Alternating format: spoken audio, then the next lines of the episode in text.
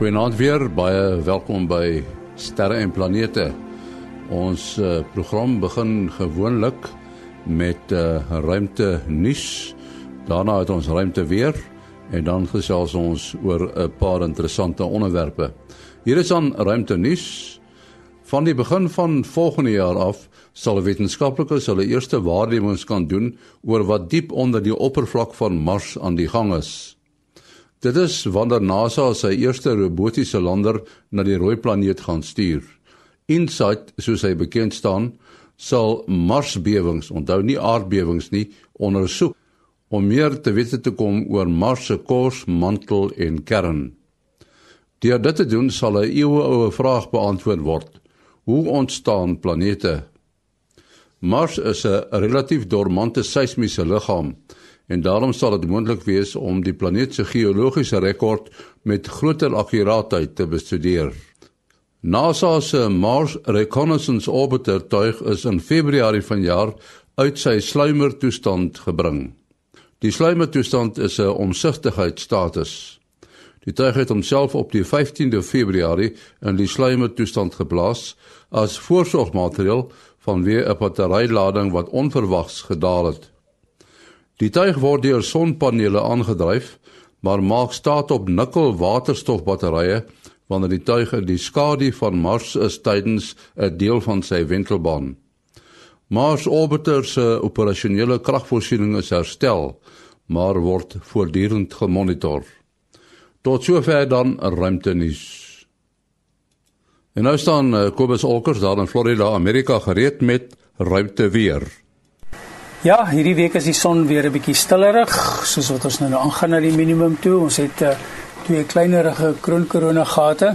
Ongewoon is vir hierdie tyd van die sonsiklus dat dit so klein is by die twee pole van die son. En ons het ook ehm um, 'n koronagat wat besig is om af te draai van die oppervlak van die son af, maar dit lyk asof daar weer ander enetjie besig is om oop te gaan. Ehm um, en hy kan dalk 'n effense verhoging in sonwindspoed vir die volgende week vir ons gee.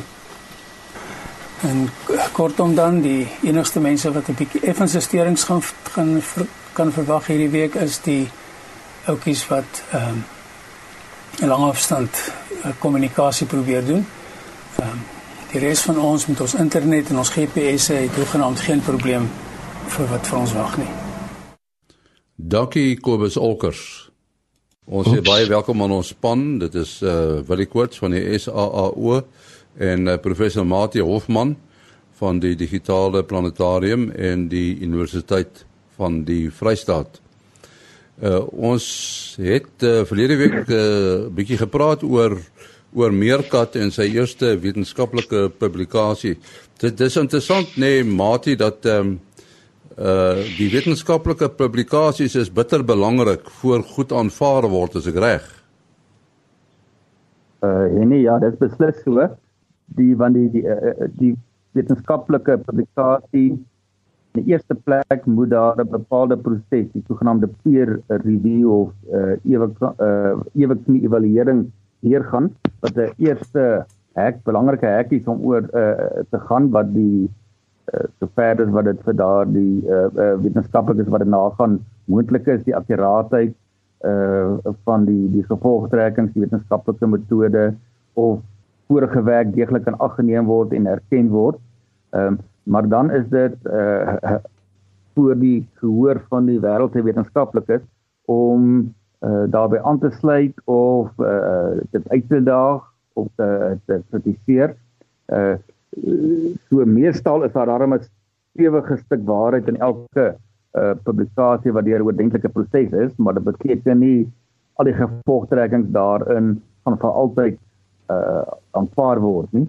En baie keer is die werk ook onvolledig of meestal is die werk maar onvolledig en uh, maak voorlopige bevindinge of oor sekere aspekte van uh, van 'n proses of 'n bepaalde stelsel en dan moet dit nou uh weet verder geneem word. So dit is aan die een kant belangrik om die die akkuraatheid 'n proses in werking te stel waar die akkuraatheid van die wetenskap uh getoets kan word en uitgedaag kan word. Aan die ander kant natuurlik om dit uh, te kommunikeer want jy wil graag jou ontdekkings of uh, uh bevindings uh, aan die uh, wye gemeenskap van wetenskappers kommunikeer dat hulle daarbey kan aansluiting vind en die wetenskap so uh, so groei.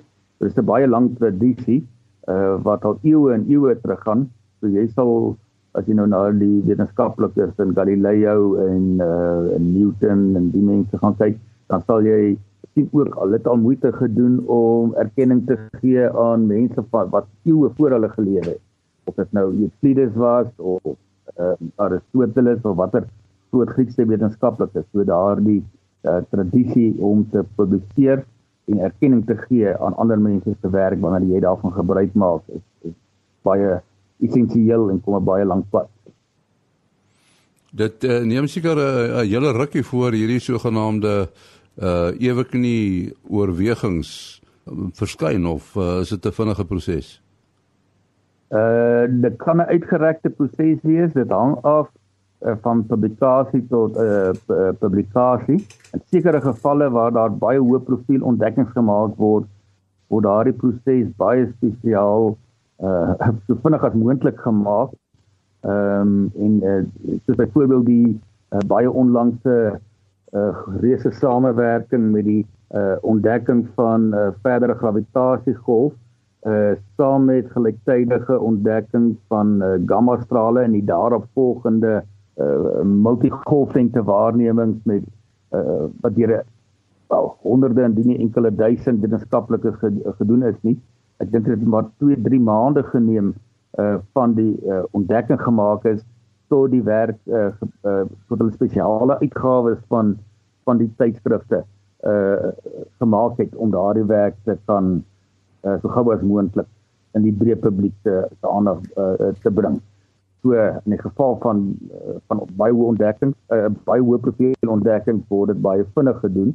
Ehm um, die ouens maak ook deesdae nogal gebruik van uh, addisionele hulle uh, dit aanlyn uh, argiewe dat hulle hulle werk uh, daar beskikbaar stel terwyl dit nou nog op pad is om ge, uh, gepubliseer te word nadat dit nou reeds aanvaar is maar in baie gevalle uh word daar so uh, troulikheid geverg vir die ouens uh, as daar 'n groot ontdekking gemaak is dan mag die wetenskaplike self nie eers 'n breed in die breë publiek daaroor praat nie. Dan ehm um, moet hulle dit stille wat nogal moeilik is. As jy 'n uh, deel is van 'n baie groot ontdekking ehm um, en jy mag nie vir jou naaste kollegas eers vertel daarvan nie uh, want die die dit is baie keer so dat die befondingsorganisasies soos nou maar die National Science Foundation in Amerika of die uh, LIGO daai soort van groot samewerkings of in Suid-Afrika die National Research Foundation uh, wanneer hulle graag by die media konferensie waar dit beskikbaar gestel word gewoonlik is dit dan op die uh die vooraand of dieselfde dag waar die uh publikasie die die uh, tydskrif uh, uitgegee word waarin die bepaalde artikel verskyn. Ja, kyk hierdie uh ek sê kyk hierso na die SKA se se webwerf uh, waar hulle die hele ding beskryf en dis interessant dis eintlik nogtans as jy nou dink om aan te sluit by die die tydstuur uh dit lyk my die een die eerste uh ontdekking uh, dat hierdie ster hierdie um die magnetar uh, ster Ja, hierdie magnet dat dat die uh nou uh, skielik weer half ontwaak het, uh was gedoen op die 26ste April 2017.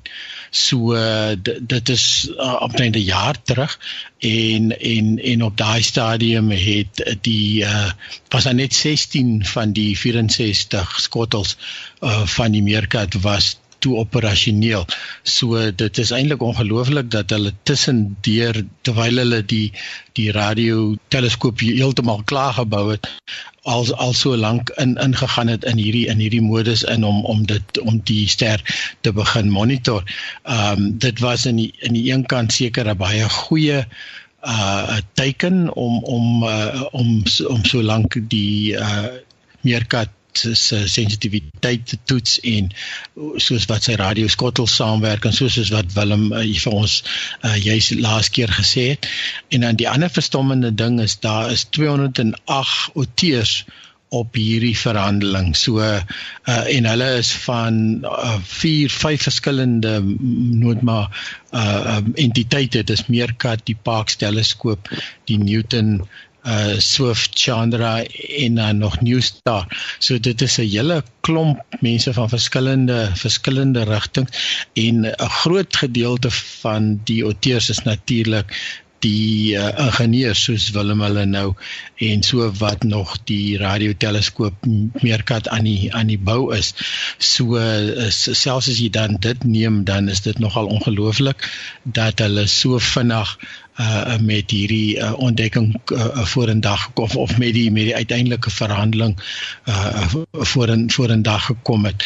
Um ja, dit dit laat my tot 'n mate amper terugdink aan uh, Salt se eerste wetenskap wat okay on, ons was op daai stadium was Salt min of meer voltooi geweest en en die uh uh die kamera spesifiek die Salticam kamera uh wat ons die detektor van gebou het, eintlik die ons het die hele kamera hier gebou. Uh die persoon wat dit uh gebou het of wat ons wat ons noem PI die die die principal investigator die die die wetenskaplike in beheer van die kamera projek uh Darrow O'Donoghue wat uh, ongelukkig so 'n bietjie meer as 'n jaar terug gelede oorlede is aan aan hierdie uh hierdie wat ons noem varkgriep griep nê nee, die N N1 S1 virus of wat ook al. Ehm um, was dit was eintlik die instrument was tot 'n mate sy breinkind gewees en dan ook hy's die dit was ook die persoon wat uh, salt se modifikasies so verander het wat die wat die lig bymekaar kom uh, verander het dat al 11 meter van die spieël uh kan gebruik word teenoor die Amerikaanse teleskoop wat net omtrent so 7 uh, is, is sê maar 8 amper 8 meter van sy 8 meter spieël kon kon gebruik het, het en dan die kamera self het hy 'n baie unieke uh, modus ingesit wat nog geen ander kamera in die wêreld op daai stadium uh gehad het nie uh wat 'n uh, wetenskapkamera van daai kaliber uh, uh kan baie hoë tempo data kan laat neem. Uh ons praat van 'n tiende van 'n sekonde. Um wat in die normale wetenskapkameras wat in die sogenaamde slow scan mode gebruik word, uh ge, was dit eintlik 'n baie hoë tempo gewees. En um so alles saam sal se geweldige ligversamelingsfaktor die hoëspoedkamera uh het het hierdie observasie moontlik gemaak wat tot 'n mate soortgelyk is aan hierdie ster. Dis ook 'n neutronster um wat 'n 'n meer gewone ster rondom dit gewentel het.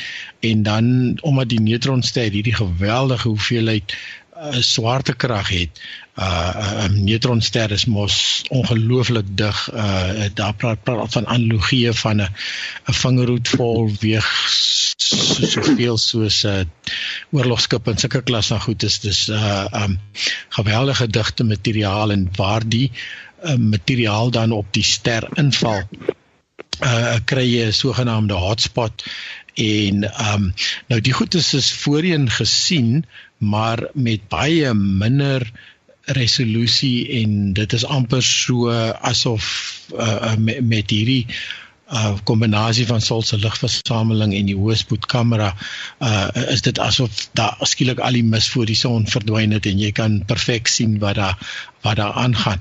So ja, uh, so, so sê soortgelyke observasie amper hierso deur die deur die meerkat nou.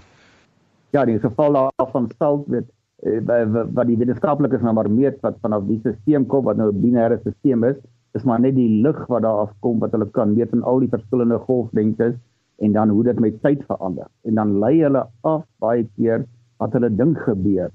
Hulle sal byvoorbeeld aflei dat as daar nou skielik uitbarstings en hoë energie is, dat dit kom as gevolg van 'n klomp materiaal wat nou skielik weer ingeval het van die groter voorwerp op die kleiner voorwerp en dan nou tot hierdie addisionele uitstraling lei, maar hulle het dit nie voorheen gesien nie dat dit eh, weet wat dit net gevisualiseer. Hulle dink hoe dit plaasvind, maar my omdat taal so vinnig kon kon waarneem kon hulle in die ligkromme wat nou gebeur het is dat die uh die kompakte voorwerp wat hulle dan nou gedink het hierdie warm kolle op het en dan praat ons nou van uh hulle het nou die hulle het nog die uh, vergelyking gebruik dit omtrent so groot soos die Weskaap. Natuurlik op die afstand wat die sterre uh, sterre is is so 'n kol so groot soos die Weskaap maar 'n uh, absolute ligpunt dit is baie klein. Ehm um, maar so jy kan dit nie met jou teleskoop direkte beeld daarvan vorm nie. Maar soos wat die ligstrome nou verander, die die helderheid skielik afneem as die kompakte voorwerp agter die groot voor, groter voorwerp inroteer. Dan word sy lig mos nou uh, uitgesny. Dis hoekom daar dan nou 'n dip in die ligstrome kom. Maar daai dip het hulle gemeet op die skaal van tydskaal van 'n uh, enkele elke enkele millisekonde, duisendste van 'n sekonde uh, het hulle 'n uh, ligmeting gedoen. En gewone teleskope kon glad nie in daai spoed meet nie omdat hulle nie genoeg lig opvang nie. Maar selfs wat nou enorm groot uh ligopvang vermoë het kan kom so vinnig meet en natuurlik kan nog so vinnig meet. En toe kon hulle sien in daar waar die lig kom en nou val, het hy 'n ekstra skouertjie gemaak en toe verder geval. En dit is daar waar hy skouertjie maak, kon hulle duidelik dan aflei dit is toe daardie warm kol dan nou uh oop agter die voorgrondster uh verdwyn want 'n groot klomp van die lig uh het jy van daardie warm kol gekom al wat dit nou klein in vergelyking met die totale uh oppervlak van die ster. So we sien nou daarso waar die spesifieke ontwerp van daai teleskoop en natuurlik hy spesifieke ligging kon hulle dan iets doen wat nie elders in die wêreld moontlik was nie. Nou wil jy wat ek nou wonder in die geval van Meerkat, hy het nou 14 spottels gehad. In sy geval die die die tydspesifiese punt wat hy nou was het sekere rol gespeel dat hy nou kon dan nou die die tyd en goed opstel op sy tye, maar wat wat anders maak die Meerkat uniek teenoor sien nou maar ander radioteleskope wat nou ook by die suidelike halfrond sou kom kon waarneem. Is dit nou die spesifieke golflengtes waar dit werk of die feit dat dit 'n uh, uh, daarom 15 spottels was? Ek dink hierso wat, wat ook 'n bietjie 'n toevalligheid hier was is dat uh, die Parkes teleskoop in Australië het uh, die eerste keer uh, gesien dat die ster het soort van ontwaak. En uh, maar omtrent 'n week later moes die Parkes teleskoop vir 'n maand af van lyn af gaan vir uh, vir vir onderhoud. En dit is toe net toe die meerkat dit begin optel en uh ja soos jy sê oorspronklik was daar nou net 16 skottels en intussen uh was dit nou natuurlik hulle drywer om soos nuwe skottels bykom uh kon hulle kon hulle meer en meer van die goeders uh meet. En dan wat ook hierdie ster uniek maak is dat dit lyk my dit is maar uh, daar's net 'n dosyn van hierdie spesifieke ster met hierdie geweldige hoë magneetveld um wat dan ook so die, uit die uit die aard gaan die uh, meerkat dit in die radiogolflengtes sien. Uh maar dit is hoekom Chandra en en uh Swift en hierdie uh, ander ruimteteleskope bygekom het al omdat dit, dit is ook en dis omtrent net lyk like my 2 of 3 van hierdie 12 uh wat ook dit in ekstra hulle uit, uitstraal.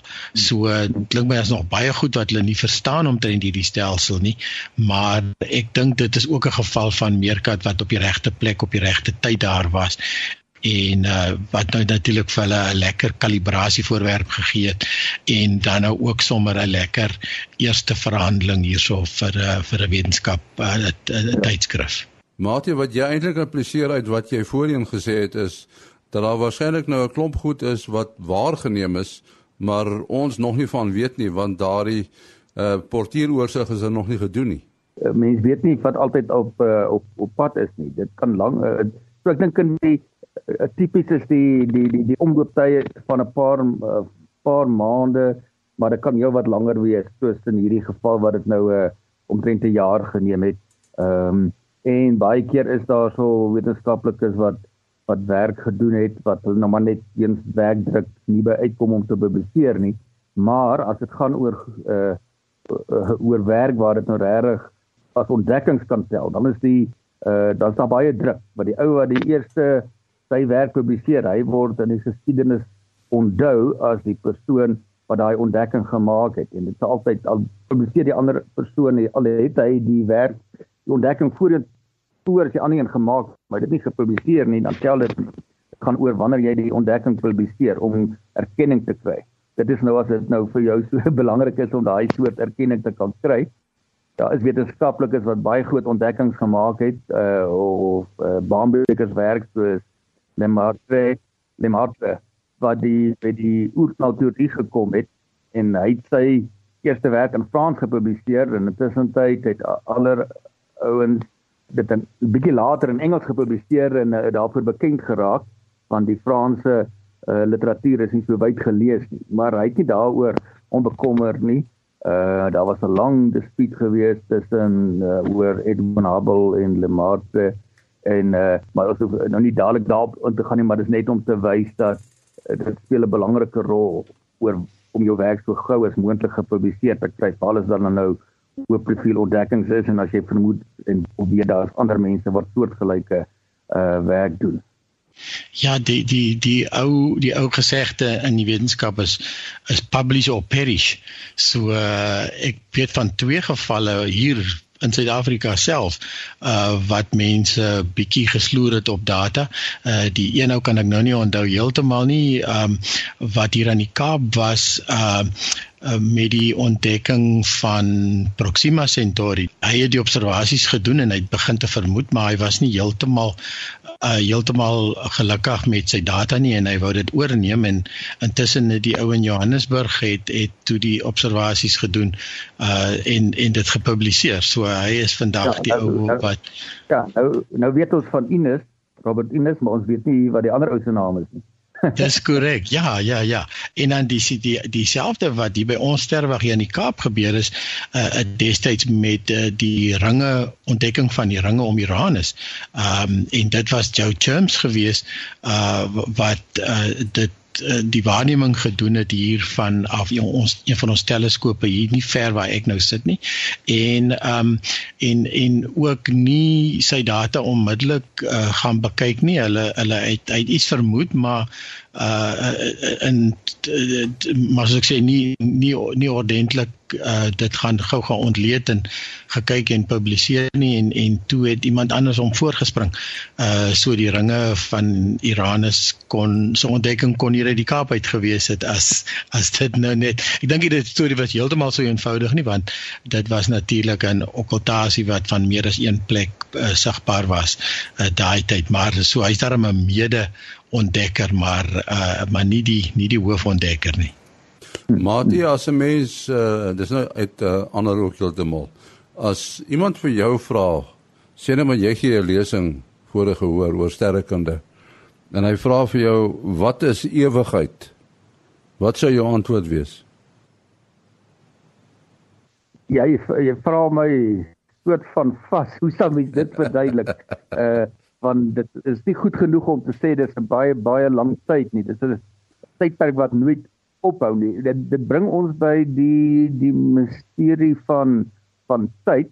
Ons is almal onderworpe van tyd en ons as ons nie daar aan dink nie dan verbeel ons ons ons het 'n uh, uh, hou vas op tyd. Uh maar Augustinus het mos al gesê hy weet presies wat tyd is totdat iemand hom tot totdat iemand hom vra. Okay, nou uh een van die groot wetenskaplikes wat natuurlik hom nou besig gehou het met die konsep van konsensuar fisiese tyd, soos wat mense kan meet en in die fisika gebruik uh en dan die verweefdheid daarvan met met ruimte, die sogenaamde ruimtetyd of space-time was Stephen Hawking uh wat nou onlangs oorlede is en hy het ehm um, geworstel met die vraag oor die oor die begin van tyd. Volgens die kon sy die mees aanvaar die uh kosmologiese model oor die die die kosmiese geskiedenis, die geskiedenis van die heelal het fisiese tyd.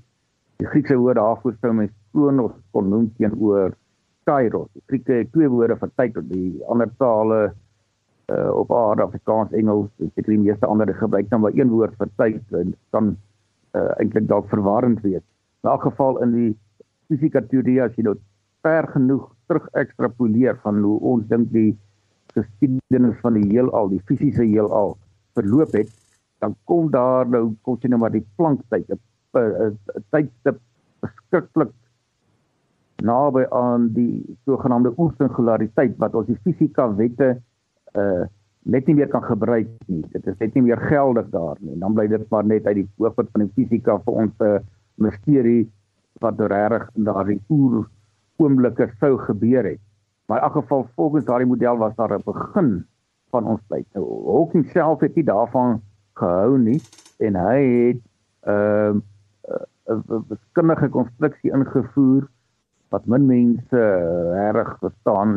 Self verstaan hulle maar net by wyse van 'n van analogie. Dit was amper iets soos 'n uh, imaginêre tyd wat die tyddimensie want in die wiskunde van die fisika hanteer ons tyd as 'n uh, vierde dimensie saam met die drie dimensies van van ruimte.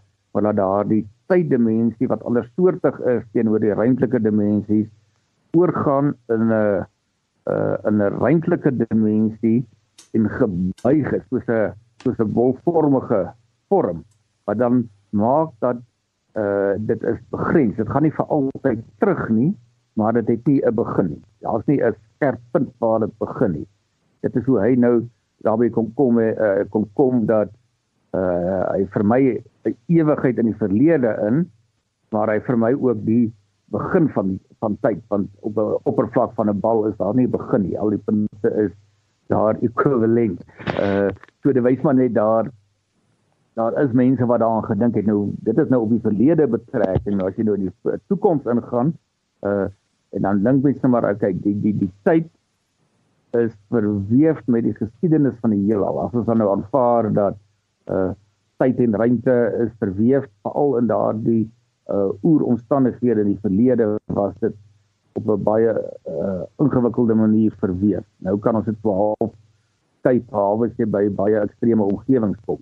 Uh nou as die heelal uh oor nie genoeg massa beskik om vir altyd te bly uitdui nie, dan kan dit dan sal volgens die kosmologiese modelle dit weer omkeer en weer al digter en digter word totdat dit weer tot soortgelyke omstandighede terugkeer as wat uh as wat die sterkste die kosmoloog dink in die in die oertyd gegeld het. Uh en dan sou jy kon sê die die die die einde van die tyd daar waar die ewigheid dan as ware is is sou lê sal soortgelyk wees van die begin van tyd. So dit is die beste wat ek kan antwoord op jou vraag, maar ek weet dit is nie uh, vind, uh dit sal nie bevredigend wees nie. Ja, as 'n as 'n mens as 'n mens eternity Google dan dan kry jy natuurlik baie godsdienstige verbintenisse daarmee en en, en ons ek meen die Bybel praat baie van van van dit. Um ek onthou toe ek klein was het ons altyd so 'n analogie gehad dat as daar 'n berg van diamant so groot soos Tafelberg is en eenmal 'n jaar kom daar 'n mossie en hy vryf sy bekkie daarop uh, en hy vlieg weer weg dan uh, teen die tyd dat die berg nou uh, verweer dit plat op die grond dan het die ewigheid net begin. Nou ja, dit gee nogal vir 'n ou idee. Dit is 'n baie nou baie lank Ja, wat sou dalk waar die onderskeid is die die die die uh, ek het nou probeer praat van die kronos, die die fisiese tyd. Maar waar dan het jy nou die kairos wat nou verwys na uh, God se tyd. Tyd wat wat ons kan nie vir ons enige iets voorstel wat kan bestaan buite ruimte en tyd. Maar dit is die die die konsep van die van die heelal daar waar ruimte tyd is dis daar waar daar iets is en anders daar buite dit as jy dit so kan stel is daar niks nie. Nie eers vakuum nie daar's nie uh, ruimte of tyd ons kan dit glad nie vir ons voorstel nie. En so dit is 'n uh, tydlose domein in terme van fisiese tyd maar daar kan ander soort tyd dalk bestaan en die, die fisika gee mens daardie uh, kom sê 'n mate van nederigheid dat al is fisika 'n baie konkrete wetenskap, moet ons leer saamleef met dimensies wat ons nie kan met modelle voorstel weet wie die konstruksie maak of 'n diagram maak nie, maar ons kan dit in wiskunde hanteer. So as jy in die fisika met hoër dimensies moet moet werk, uh dan is dit so groot probleem om vir jou te kan voorstel dat in ander dissiplines en die geesteswetenskappe en so aan wat nog baie minder eksakt en konkreet is dat jy maar uh nie moet dink jy kan alles binne in jou brein akkommodeer nie. Nou ja, op daardie noot moet ons afsluit. Wil jy laat ons hoor wat is jou besonderhede? Uh ja, selfoonnommer 0724579208. 0724579208. En dan Mati? 083 625 7154 083 625 7154 En dan my e-posadres maas.henny@gmail.com maas.henny@gmail.com Volgende week is ons terug. Tot dan, mooi loop.